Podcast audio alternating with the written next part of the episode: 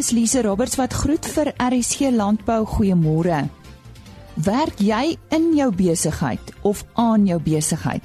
Dit is 'n vraag wat ver oggend op die program beantwoord word. Dan is stedeling of sitrusprodusent bekommerd oor witluise op sitrus, so bly ingeskakel vir 'n gesprek hieroor. Ons praat met die nasionale voorsitter van die Suid-Afrikaanse Landbou Skrywersvereniging, Magde de Tooy, en kleinwildboere staan nader want Arno Leroux praat oor die Arabi. En nou gesels Henny Maas en sy gas oor jou besigheid of in hierdie geval jou boerdery. Jy het al dikwels gehoor dat mense praat dat 'n mens moenie hard werk nie, jy moet slim werk. Nou so is dit met die landbou ook. En 'n mens vind uh, dat uh, boere baie hard in die besigheid werk eerder as aan die besigheid. En uh, ons praat met Pieter Du Plessis van Action Coach oor hierdie hele beginsel. Pieter, hierdie uh, beginsel van werk eerder aan jou besigheid as in jou besigheid. Vertel ons daarvan. Hey nee, hallo daar. Die uh, dis uh, dis 'n uh, redelik voor die hand liggende beginsel waaroor ons vandag gesels, werk eerder aan jou besigheid as in jou besigheid. Wat gebeur soos jy nou net reg gesê het ook, uh, dit voels werk ons so hard in die besigheid van 1 week, 1 maand, 1 kwartaal of 1 seisoen tot die volgende en dan begin die siklus weer om dit te herhaal dat ons nie noodwendig die die tyd maak om net 'n bietjie terug te staan in te kyk op die besigheid of die boerdery en uh daar perspektief te kry en vrae te vra van buite af. Uh is ons besig om net die besigheid te onderhou of is ons besig om ons besigheid daadwerklik te bou? So dis daai beginsel van vat 'n bietjie tyd, dink oor die saak, kry perspektief op 'n gereelde basis net om seker te maak die bootjie waarin jy roei is op pad na die regte eiland toe. En hierdie perspektief hoef jy nie noodwendig self te vind nie, mens kan hulp ook daarvoor vra, nee heeltemal korrek. Natuurlik uh, as jy jou sleutelpersoneel of die mense rondom jou die die die leierskapspan in jou in jou besigheid betrek en eh, 'n uh, paar sessies hou wat wat jy waar binne jy vra wat is die areas om op te fokus. Jy weet om 'n bietjie aan die besigheid te werk, gaan jy al reeds 'n paar eenvoudiger areas identifiseer wat jy eintlik lankal weet jy moet implementeer of aan werk. Uh, so jy kan reeds by die huis begin met 'n paar van 'n uh, paar implementerings en indien jy dan wel identifiseer dat jy sekere spesialis kennis nodig het, kan jy natuurlik 'n konsultant aanstel wat professionele advies kan gee. Nou, hoe sal 'n mens weet of jy aan jou besigheid of in jou besigheid werk? Hoe sê jy self weet? Die bewus bewuswording of die feit wanneer jy net begin dink daaroor, gaan jy vir jouself die vraag kan antwoord. In die besigheid, soos ek sê, is tot 'n mate jy onderhou die besigheid. Jy werk hard, jy herhaal die siklus aan die besigheid werk beteken jy bou die besigheid, daar's vordering, daar's nuwe dinge jy ondersoek, nuwe moontlikhede, jy bly in voeling met uh, die tendense, het sy die mark of tegnologie of die ekonomiese situasie. Jy vra die vrae buite jou boks wat jou lei na die uh, antwoorde, na goeie antwoorde of goeie insigte om jouself te posisioneer. Jy weet jy nie die hoe meer inligting of die die een met die meeste inligting is dikwels die een wat wat die voorsprong het. Ja, jy het daar gepraat van buite die kassie dink. Uh as jy nou hierdie beginsel in, in jou besigheid uh, moet toepas, uh waar begin 'n mens met so iets as jy dit nog nie gedoen het nie? Die uh, onbewuste wees van die beginsel en en besluit om 'n daadwerklike poging aan te wend is 'n goeie beginpunt. Uh iets 'n klein voorstel wat ek kan maak wat ek al dikwels goeie resultate van gekry het self, maar ook wat ek wat ek met uh, mense pad gestap het is wanneer jy vir jou personeel vra of jy uh, besluit om hulle te betrek en jy kies 'n tema vir die week of die maand, wanneer jy jou vergadering hou, dan uh, daag jy hulle uit of jy nooi hulle uit gee opdrag dat hulle byvoorbeeld een of drie voorstelle moet na die tafel toe bring om byvoorbeeld uh, kostes te bespaar of produktiwiteit te verhoog of die personeel moraal te lig. En uh, wanneer jy deur verskeie sulke temas gaan en die tafel net oopmaak om voorstelle van jou personeel te kry, sal jy dikwels verbaas wees die goeie voorstelle wat jy selfs van die ontvangsdame of die tee dame kan kry en die res van jou span. So jy kan by die huis begin, neem 'n besluit, uh, skeduleer daardie sessies en selfs 'n wegbreek na die einde van die jaar toe met jou sleutelspan oor uh, wat wil jy volgende jaar anders doen buite jou boks dink buite die kassie doen om addisioneel te implementeer of die geleenthede wat jy wil die uh, ontsluit deur net jou gedagtes aan te wend en te bepaal wat die wat die volgende soos hulle sê low hanging fruit in jou besigheid is. Dat sy werk eerder aan jou besigheid in plaas van in jou besigheid. Dit was uh, Pieter Du Plessis van Action Coach wat daar gesels het. Dankie Henny en Henny gesels 'n bietjie later in die program met Arnou Leroux oor die Arabie. Die volgende bydra word aangebied met die vriendelike samewerking van Laveld Agrochem. Saam boer ons vooruit. Witluise wat op sitrus voorkom, is maar 'n kopseer vir selfs 'n stedeling. Nou ek gesels met die besigheidsontwikkelingsbestuurder by Laveld Agrochem, Gys Helm hieroor. Gys, waarom is daar so 'n toename in witluisinvestasies op sitrus die afgelope paar seisoene? Want dis 'n uh, daar's 'n reeks moontlike faktore wat ek dink het kon 'n rol gespeel het. Um, Eerstens plant ons elke jaar 'n klomp is aan in ons land. Ons hou aan ander monokultuurstelsels skep wat meer giftige habitats plaag, so uiteraard gaan hy meer word. Ons maak ook al meer gebruik van skadinetbedekkings wat ook meer gunstige toestande skep vir die plaag. Ehm um, verder uh, dink dink ek ons het ook baie meer ou warmer winters veral in die noorde van die land geleef die afgelope paar seisoene. Wat maak dit meer van hierdie plaag oorleef en oorwinter en dan uh oorpopulasies begin aan die begin van die seisoen. Verder gebruik ook allerlei chemikalieë natuurlik vir ander moeiliker beheerbare pla wat um, die situasie net kan vererger deur die ekologie versteur en die natuurlike beheer dan nou afneem. Is daar verskillende tipes witluise wat voorkom? Ja, beslis. Daar's verskeie witluise wat op sitrus as 'n plaag kan voorkom. Die vernaamste is 'n uh, uh, spesies is soos ons in Afrikaans noem 'n citrus witluis, uh oleander witluis en karoodoring witluis, waarvan die citrus witluis natuurlik is algemeenste is. Wat se skade kan 'n witluis aanrig? Dit hang af van die tyd en graad van infestasie. Witluise kan knoppe of duike op vrugte veroorsaak en veroorsaak dat vrugte misvormd is dit maak ook dat die uh, uh, vrugte verskillend opkleur uh, sodat daar verskillende kleurpigmente is. Ehm uh, die besluise skei ook 'n 'n roet 'n heuningsdou af wat uh, 'n tipe swamgroei op die op die vrugte kan veroorsaak. Dit kan ook ander skaal ook en al hierdie dinge kan jou bemarkbaarheid beïnvloed en dan in ekke infestasies kan dit ook lei tot vrugval. Watter tipe plaag kan gelok of vererger word? man soos ek genoem het die witluise skei heuningdou af. Eerstens lok dit mure. Mure gebruik dit as 'n voedselbron en so beskerm hulle die witluise teen predatore en parasiete. En ehm um, hulle kan ook help om die witluise te versprei. Verder kan witluise ook veroorsaak dat uh, siektes soos Alternaria caprot uh, verhoog kan word by sekere kultivars wat vatbaar is verder loop die ening nou ook sekondêre plaas soos karotmos uh byvoorbeeld daar van die larwe soms kristal kan penetreer en en dan nou vrug Nou die vraag waarvoor almal wag, uh, hoe gaan ons te werk om witluise in sitrus te beheer, uh, Gys? Man, dis dit is 'n redelike uh storie. Na my mening moet reeds in die winter begin of in die voorseisoen begin met jou witluisbeheer wanneer dit tyd is om bome te snoei vir allerlei produksie en manipulasie faktore is dit ook die tyd om die bome oop genoeg te maak en seker te maak jy kry daai uh, penetrasie en bedekking sou jy chemiese middels gebruik maar ook uh, is dit belangrik dan dat droë takkies en buiteseisoenprodukte wat dan bemarkbaar uh, te verwyder waar hierdie witluise skuil en dan nou uh, seisoen weer begin verder investeer. Ehm um, tweede moet ons uh, uh, seker maak dat ons gebruik 'n uh, 'n uh, uh, chemiese program wat so min as moontlik uh, skade aan predatore en parasiete doen sodat ons natuurlike uh, biologiese beheer kan bevorder.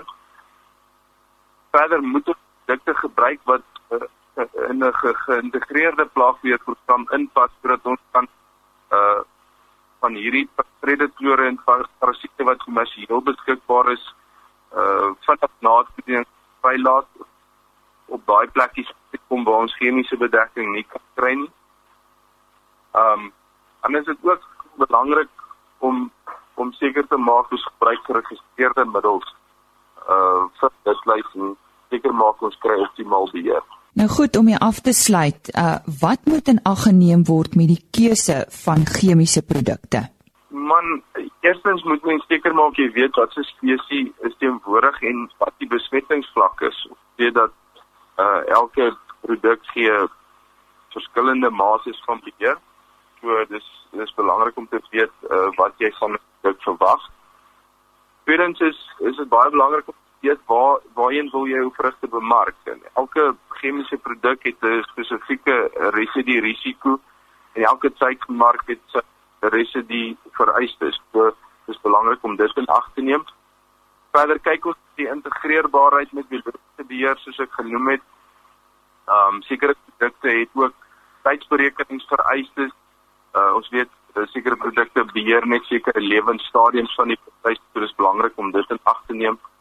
En dan het ons bestaande chemiese programme vir ander pla en dit is belangrik om te weet uh waar jou wirtuismiddel inpas en wat sy verenigbaarheid is met met ander chemiese middels. Goed Gys, indien uh, van ons luisteraars dalk uh, meer hieroor wil lees of die uh besonderhede wat jy nou of die inligting wat jy nou beskikbaar gemaak het aan ons, uh waar is uh hierdie inligting beskikbaar? Ek is nie doodseker of dit webtuise is nie. Ek seker ons kan 'n uh, uh, link skep daarin. Ehm um, maar die luisteraars is welkom om op hoofkantoor te skakel. Hulle sal dadelik die persoon die regte mense in kontak sit. Hoofkantoor nommer is uh, 012 940 4398. Goed, herhaal hom net vir ons asseblief. 012 940 4398. Ons sê baie dankie aan Gys Helm. Hy is die besigheidsontwikkelingsbestuurder by Laveld Agrochem. En die onderhoud is aangebied met die vriendelike samewerking van Laveld Agrochem. Saam boer ons vooruit. Ja, ons kry dikwels navrae oor kontakbesonderhede. Indien u van die onderhoude of programme misgeloop het, besoek gerus www www.rsg.co.za vir die potgooi van die program soek net onder potgooi vir RSG landbou. Alternatiefelik kan u ook www.agriorbit.com raadpleeg. Dit is www.agriorbit.com. Daar word verskeie ander landbou nuus ook geplaas sowel as ons onderhoude. Klik net bo in die bladsy op broadcast en dan RSG landbou. Ons uh, gesels met Arnou Leroux Hy is die voorsitter van Wildbedryf Suid-Afrika se advieskomitee vir klein wild. Ons wil praat oor die Orbi. Is dit net maar dieselfde as die naam Oorbietjie Arnou? Ja, ehm um, die Oorbietjie het sy naam eintlik te danke aan die destydse Kaapse tot bevolking wat hom die uh, Orabi genoem het en toe in Afrikaans nou die Orbi geword. En hoe pas hierdie Orbi in by die groep tuinwild hier in Suid-Afrika? As ons kyk na die die bokkie se se grootte, die rammetjie staan skouerhoogte 60 cm hoog en weeg ongeveer 40 uh, kg en die ouetjies is effentjies hoër en effentjies groter uh en swaarder so hulle hulle val heeltemal nog onder die definisie van van kleinwild. En, en hoekom is hierdie bokkie so besonder? Die bokkie is besonder omdat hy in 'n spesifieke habitat in in Suid-Afrika voorkom en dit is dan in hierdie grasmisbeld ehm um, wat hardloop basies hier van Heinesburg en Limpopo al met die eskarpment langs in die Natalse hooglande regdeur onder tot in die Oos-Kaap tot sover as uh, Gramstad in die in die Kaap. En en die grootste bedreigings vir die Orbi? Grootste bedreigings is maar die habitat omdat hy 'n uh, redelike beperkte unieke habitat het is daar ander industrieë wat meeding uh vir daai tipe klimaatsone ehm um, wat grootendeels bosbou is en landbou is en dan aller ander uh ontwikkelings wat ook maar in daai gebiede voorkom en dan ehm um, verkeerde veldbestuur. Ehm um, oormatige beweiding, uh oormatige brand uh omdat die bokkie 'n redelike pristine grasveld verkies, is dit belangrik dat die habitat wat wel nog geskik is dan nou reg bestuur word om die bokkie dan te bevoordeel. Nou kan produsente 'n rol speel om die orbi te red. Definitief uh die boere wat wel orbies op hulle plase het, kan met korrekte veldbestuur ehm um, die bokkies inkorporeer by hulle bestaande boerdery, uh veral beesboerdery. Daar's gevind met navorsing dat met goeie veldbestuur met beeste is dit eintlik voordelig vir vir die klein bokkies, vir die orbies. En en wat is die vooruitsigte vir die orbie? Die vooruitsigte is as ons al die beperkte habitat wat tot hulle beskikking is, die die die die grondeienaars bewus maak van die belangrikheid van die die bokkie se voortbestaan. Ehm um, sover as moontlik die onwettige jag van die diertjies ehm um, um, beperk sover as moontlik en selfs ook teelprogramme ekstensief en indien nodig meer intensiewe teelprogramme uh, van die grond af kry om seker te maak dat ons hierdie populasies stabiliseer en groei in die toekoms. Uh, julle dink aan 'n sensus. Hoe kan die sensus die orbie bevoordeel? 'n uh, Sensus is maar basies voorraad neem. Ons moet voorraad neem van hoeveel bokkies is in sy historiese verspreidingsgebied. So hoe meer inligting mens kan kry van die uh, boere wat wel die bokkies uh, op hulle plase het en of in reservate, dan daai data van die sensus uh lei mense tot besluite, bestuursbesluite waar um, is hulle die meeste bedreig? Uh wat is die grootste bedreigings want in hierdie sensus um, word daar ook aangedui. Ehm um, wat is die gevare vir die bokkie in daai spesifieke area? So dit is amper 'n barometer vir wat gaan daar buite aan uh met die orbie en in sy direkte omgewing. En hoe moet produsente maak om om deel te neem aan die sensus?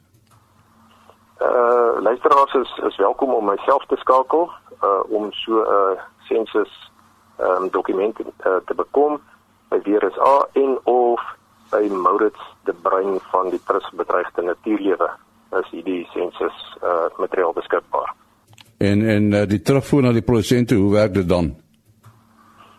Goed, die data word dan verwerk en in samewerking met al die rolspelers word ehm um, die uh kom ons sê maar kwelpunte aangespreek en ons beplan ook volgende jaar met al die rolspelers soos die parkerade en die boerderygemeenskap om om 'n 'n 'n populasie analise te doen want daar is so meer as 10 jaar terug is daar 'n populasie analise gedoen en dit is hoogtyd dat ons dit weer doen om te kyk waar is ons uh, met die oor die bevolking versus 10 jaar terug. Het ons vorentoe beweeg of agteruit beweeg?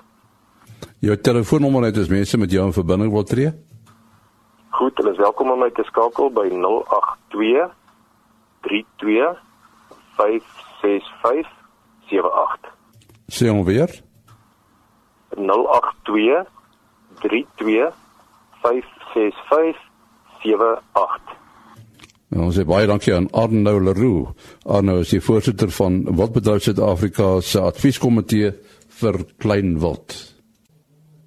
Landbouskrywers SA is 'n onafhanklike professionele liggaam wat die beeld en gehalte van landboujoernalistiek in Suid-Afrika bevorder.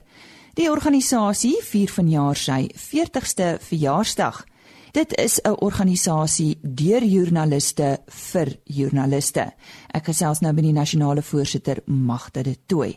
Magda, ons weet uh, julle jaarlikse hoogtepunt het op Vrydag 10 November plaasgevind waar verskeie wenners ook aangewys is, maar voordat ons daarby kom, wie en wat is Landbouskrywers SA?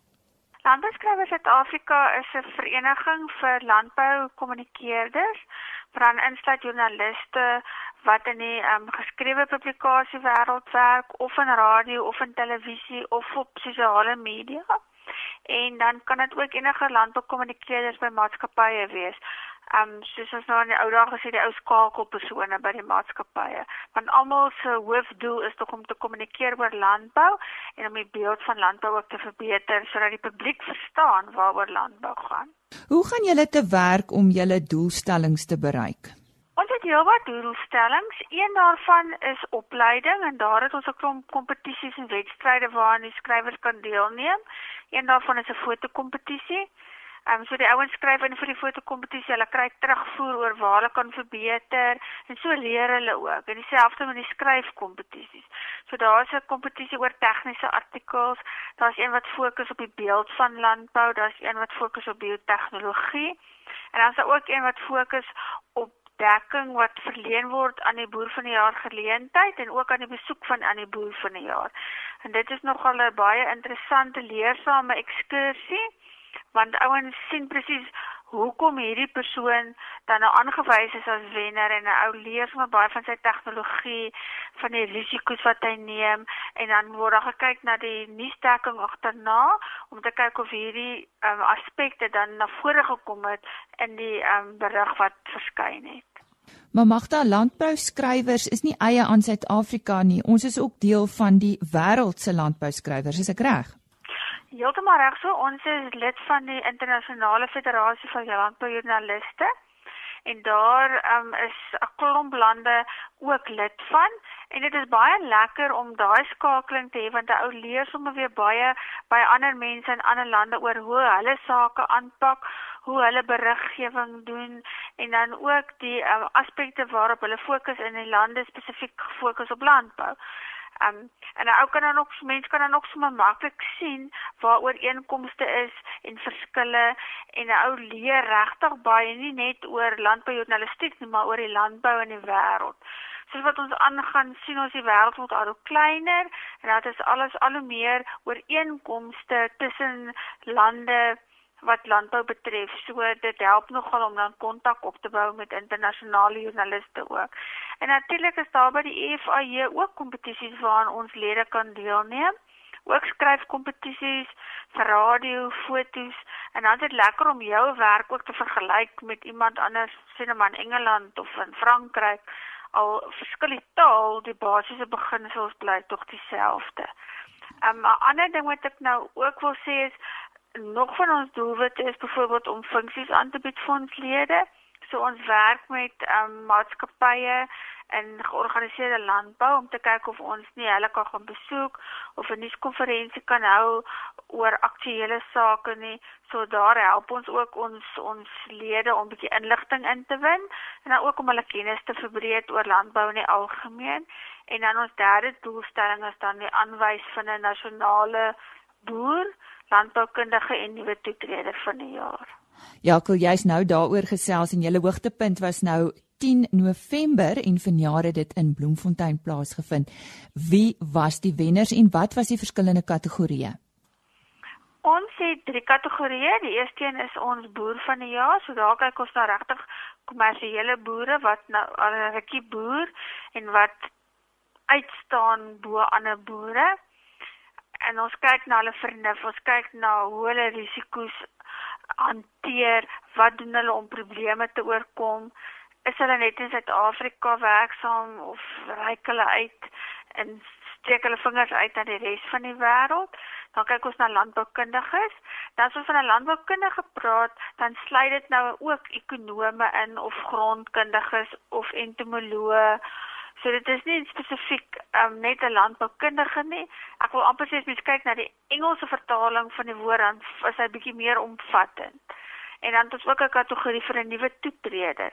So hierdie is nou weer boere wat hulle is wel kommersieel, maar hulle het so kom ons sê tussen 2 en 8 jaar gelede regtig kommersieel begin boer.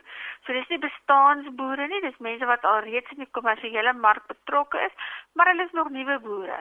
Hulle is dalk nog bietjie klein of hulle is nog um, moet nog bietjie uitbrei en ons hoop hierdie toekenning spoor hulle ook aan om te sien maar ek is op die regte pad. Ek wil nog 'n risiko neem. Ek kan uitbrei en dan leer hulle natuurlik ook by die ander boere. So dis daai drie kategorieë. Ons het eers op streekverband toekennings in provinsiale vlak gegee. So ons het 'n funksie gehad in die noordelike streek wat dan die boonste 5 provinsies in die land verteenwoordig en die sentrale streek wat die Kaap en Noord-Kaap, ag Vrystaat en Noord-Kaap insluit en dan ook ons Wes-Kaap streek van Oos-Kaap en Wes-Kaap is. En dan die 10de het al hierdie mense bymekaar gekom wat nou reeds provinsiale wenners was en die nasionale ehm um, wenners is aangewys. So ons nasionale nuwe toetreder van die jaar was Warren Bam van die Weskaap. Hy boer ook met vrugte en druiwe. Ons landboukundige van die jaar was Dr. Annelie Erasmus van die LNR. Nou sy spits haar navorsingswerk spesifiek toe op um, mieliestrong op strongboders, nou veral mieliestrongboder en dan het sy ook baie belangrike werk gedoen met die herfskomandowurm wat verlede jaar in Suid-Afrika te voorskyn gekom het. En dan ons boer van die jaar was uh, um Charles Beck. Nou hy is 'n bekende eienaar van Fairview in die Spice Road daar net by die kant Parel in die Kaap. Dit was aan Magda de Tooy, die nasionale voorsitter van Landbouskrywers Suid-Afrika. Baie geluk ook aan al die wenners wat onlangs aangewys is. En terwyl ons oor wenners gesels, op Woensdag aand 16 November is Suid-Afrika se nasionale bees en skaapboer van die jaar aangewys. Die hoofborg was Voormol en Bertus Burgers van die plaas Rietvallei in die Utrecht distrik in KwaZulu-Natal is as die beesboer van die jaar aangewys en Frans Wit van die Hopetown distrik is as die skaapboer van die jaar aangewys. Ons hoop om eersdaags ook onderhoude met hierdie twee kandidate uit te saai. Baie geluk. Kom ons kyk wat is môreoggend op die program. Ons gesels oor landbou ingenieurswese, die Meatmasters skaapras En in weer waarhede praat Henny Maas en Johan van der Berg oor weer oorlog. Interessante onderwerp. RSC Landbou is 'n produksie van Plaas Media. Produksieregisseur Henny Maas. Aanbieding Lisa Roberts. En inhoudskoördineerder Jolandi Root.